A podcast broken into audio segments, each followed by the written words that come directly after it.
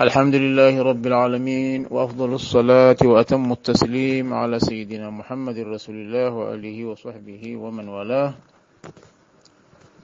أما بعد فنواصل في قراءة ومذاكرة كتاب مناهج الإتقان إلى تحقيق مقاصد الإحسان للشيخ الشريف إبراهيم صالح الحسيني الحلقة التاسعة. عنوان الحلقة مقاصد الإحسان. تقديم ومذاكرة محمد كرم يوسف معروف. كنا قد توقفنا في شرح الشيخ وتوضيحه لكلمات كلمات الإسلام شريعة وطريقة وحقيقة فوضح وبين معاني هذه الكلمات وشرحها ووضحها جزاه الله خيرا. ثم قال فيلزم العبد في مقام الشريعة أن يحكم أن يحكم امتثال المأمورات واجتناب المنهيات وفي مقام الطريقة أن يحكم تهذيب النفس بالتخلية عن الرذائل والتحلية بجميع أنواع الفضائل.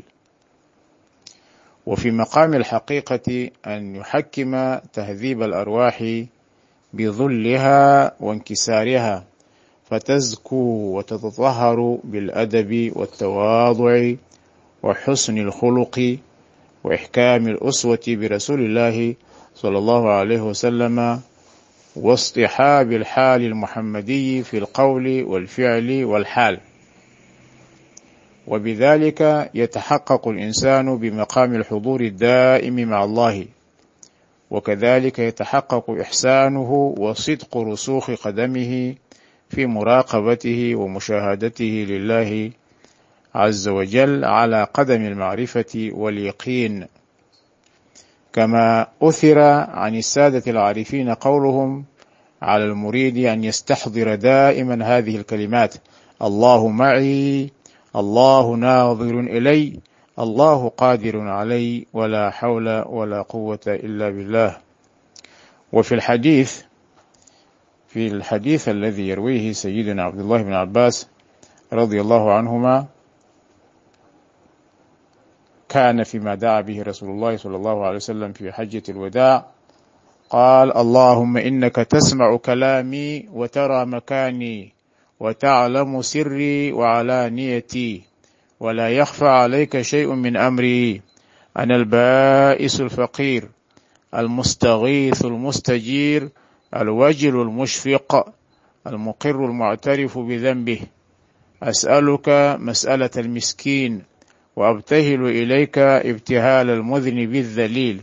وأدعوك دعاء الخائف الضرير من خضعت لك رقبته وفاضت لك عبرته وذل لك جسمه ورغم لك أنفه لا تجعلني بدعائي شقيا وكن بي رؤوفا رحيما.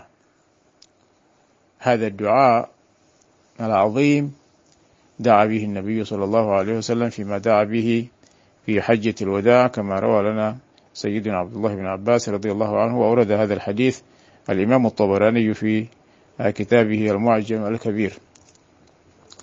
ثم تقول في دعائك اللهم يا خير المسؤولين ويا خير المعطين نجني وأحبابي وإخواني مما يقطعنا عن جنابك أو يحجبنا عن مشاهدة أنوار ذاتك.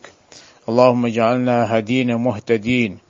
غير ضالين ولا مضلين. سلما لأوليائك وحربا على أعدائك. نحب بحبك من أحببته ونعادي بعداوتك من عاديته. ولا حول ولا قوة إلا بالله العلي العظيم. وصلى الله على سيدنا محمد سيد الوجود ومعدن الجود الكرم والجود والسبب في إيجاد كل موجود. المتجلى عليه بالرحمة من أسرار الاسم الودود وعلى آله وأصحابه وسلم تسليما كثيرا. انتهى إلى هنا الباب مقاصد الإحسان وندخل بإذن الله تبارك وتعالى في الرفقة في الطريق. وصلى الله على سيدنا محمد وآله وصحبه وسلم. نتوقف هنا على أمل اللقاء في حلقة أخرى إن شاء الله تعالى.